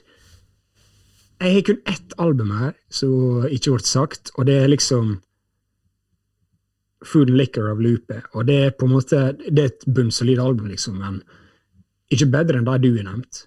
Mm -mm. Uh, Jeg føler liksom, jeg har prøvd å tenke over hva kan være classic 2010 til 2020 debutalbum. Der er ingenting. Nei. Er det bare meg, eller hva? Jeg vet ikke, ass. Det er litt rart, det her. Eh, Det er annen tid, selvfølgelig, men det mange mener også, Drake og Kendrick, for eksempel, at de er classic mixtapes. At det, det er så gode mixtapes at det kunne vært album. Vi er ikke, jeg er ikke helt på mixtape-kjøret. Har ikke hørt alt av det. Men det kan være at hadde det blitt regna som album, at de også kunne vært den diskusjonen her, da. Og mixtapes har tatt noe av eh, Tatt noe av den Ja. At det er grunnen til det. Det kan jo være. Mm.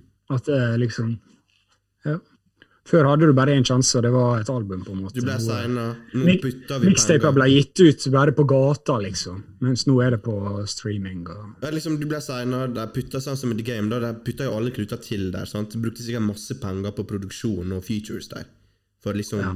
Blow den opp til neste West Coast-rapperen her, gangster-rapperen, som liksom skal være på lik linje med 50 Cent og alt det her. Så jeg tipper det er et jævlig dyrt album. Det er det sikkert. Mm. Hvis du klarer å få The Game til å høres bra ut, så må det være dyrt. Tenker jo jeg, da. Ja. Men har du noen eh, album du ville snakke om, så du fant ut ikke var debutalbum? Nei, vi skal snakke om debutalbum i dag, bro. Så det er ikke Det, det var ikke på min tapet. Ja, okay. Nei, jeg forstå, altså, jeg ville snakke om Liquid Source og Jizza, men jeg fant ut det er jo ikke debutalbumet hans. Ja. Uh, jeg ville snakke om The Infamous som Mobb Deep, men så kom jeg på det her er Juvenile Hell-albumet. Mm. Uh, ok, men greit. Var det noen album du føler kunne mikses inn her, som du ikke fått nevnt? 100 Straight Outta Compton. En nytt Ja. Trey-album. Altså Ingenting hadde f f Ingenting av det albumet vi har snakket om, hadde fantes hvis det ikke var for det albumet. Det samme med The Chronic. Altså Dre her, han er jo han, han, han, har jo ikke så mange verk, men alle verka treffer jo, da. Eh, Vi må slutte å snakke om han. Vi må slutte å snakke om han. Dick Rider. Ja, vi må nevnte det. The Miseducation of Lauren Hill. Er det hiphop? Er det R&B? Det er et jævlig bra album, i bunn og grunn. Jeg elsker det albumet, det gjør du også. Det kunne vi tatt med, for per definisjon er det jo kanskje hiphop, sant? Eh, tenk selvfølgelig på Slim Shady LP. Eh, veldig, eh, veldig bra album. Er ikke det ditt favoritt-Eminem-album? Jo. Veldig rått. Det er jo på en måte Jeg syns det blir vanskelig å ta det som et av de beste, bare for det, det er på mange måter så useriøst. da. Ja. Eh, til tross for impacten og kommersielle salg, og sånn, så er det liksom, det er et helt sjukt album. på en måte. Ja, men så er liksom Det som kommer etterpå Jeg vil ikke si det over, overskygger det, men det er så mye større, da. Spesielt kommersielt. Uh, men det kunne absolutt vært på lista. Er Nok et Ja. uh, hva Ok, Hva tenker du om den her, da? For jeg, jeg har et spørsmål. da. Uh, nå er jo vi snakka sinnssykt mye om denne fyren. Rest in peace. Vi la ut story om det for et par dager siden. La oss snakke om debutalbumet til Pop Smoke her. Men det er, Det er på mange måter veldig likt uh, Get, Get Rich or Die Tryin'. Det er ikke debutalbumet hans, bro. Det vi snakker om. Det, nei, det er ikke det. Me, Meet Woo, det var mixtapes. Hvor er det? Var ikke det? Sikker på det? Jeg driter meg ut nå. Skal liksom ha en hiphop-podkast og ha kontroll på ting. Jeg tror Meet Woo er er album, bro. Jeg tror Meet Woo er album. Ok, Den uh, nettsida jeg bruker, den uh, sier noe annet. Men eh, det er greit. Ok, La oss, si, da. La, bare la oss for uh, argument sin skyld nå. Okay, Alle elsker i Ikke disrespekt han på den måten, bro. Ok. Ok, det står i mixtape her også. Kom her, kom her. Ja, greit, greit. Ok, bare få si uh, Uansett, ja, si hva du skulle si. Det er jo Vi, vi sier jo hele tida han var den nye 50 Cent, sa men han var jo på en måte det. Det er jo sånn som du sa om Get Rich or Die Trying. Du bare går fra bangers til bangers til bangers til bangers. Det er samme på det, det albumet her. Mm. Han, han bare tok over verden. Og det er jo Masse av det er jo produsert Er jo faktisk tatt rett ifra Get Rich or Die Tryin' her. Med hooksa her og Ja. Og, og, og barsa Han tar jo fra Many Men og Gangsters, blant annet. Så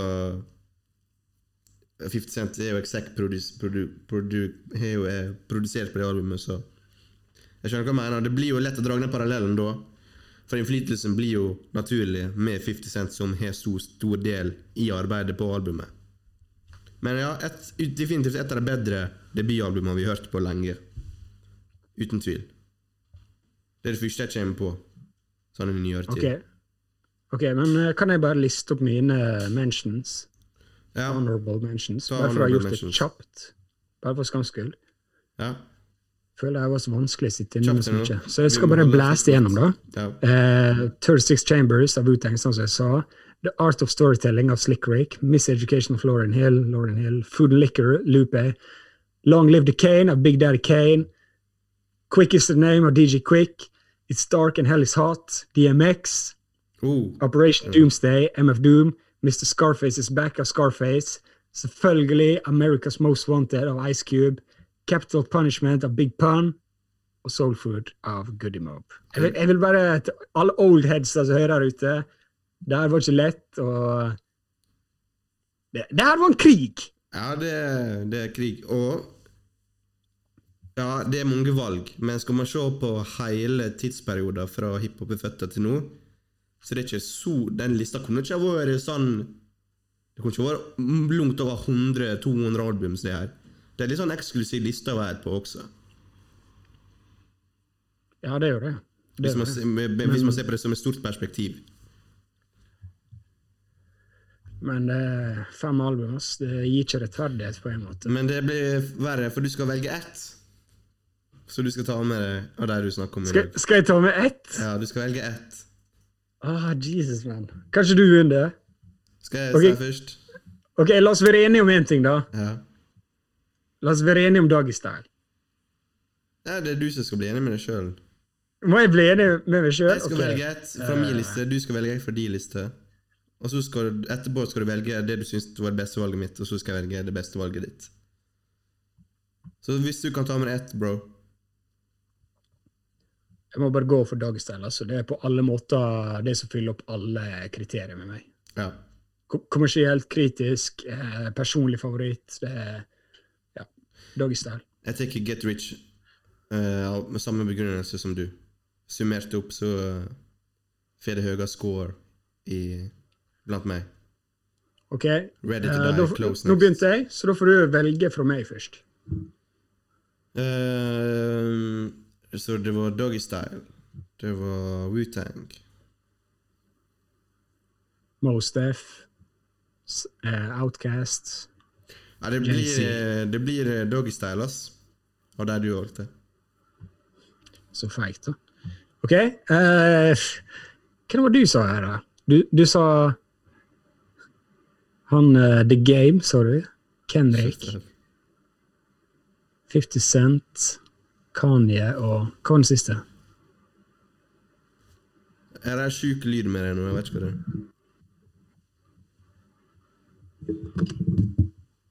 Der, er det. Kendrick, uh, Get Rich or Die Trying, Documentary, Ready to Die, College Dropout.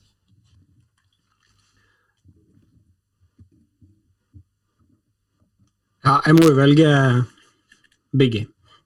Ready Må det. Die. Ready to Die. Ja. Ja. ja det er mange, det er mange gode album her, eh, og det var vanskelig, som, som du sa.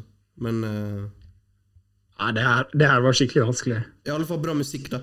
Det, jeg jeg syns det er gøy også å gå tilbake og høre på det her. Det var en nytelse. Det er ikke vår Det er ikke pain å sitte og høre på det albumet her. Nei, jeg er ikke der for det er trasig, liksom. Det, det er jo for det er gøy.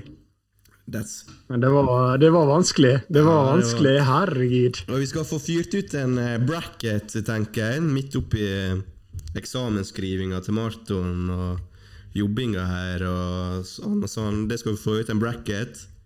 Så kan dere stemme på hva dere mener er, er det beste debutalbumet. Det skal kåres på vår eh, Instagram kort tid etter denne episoden her er ute. Tusen, eh, tusen takk for at du, du hørte på. Eh, setter veldig stor pris på det. Eh, noe siste du vil tilføye? Dere er alle studio gangsters, og vi elsker dere.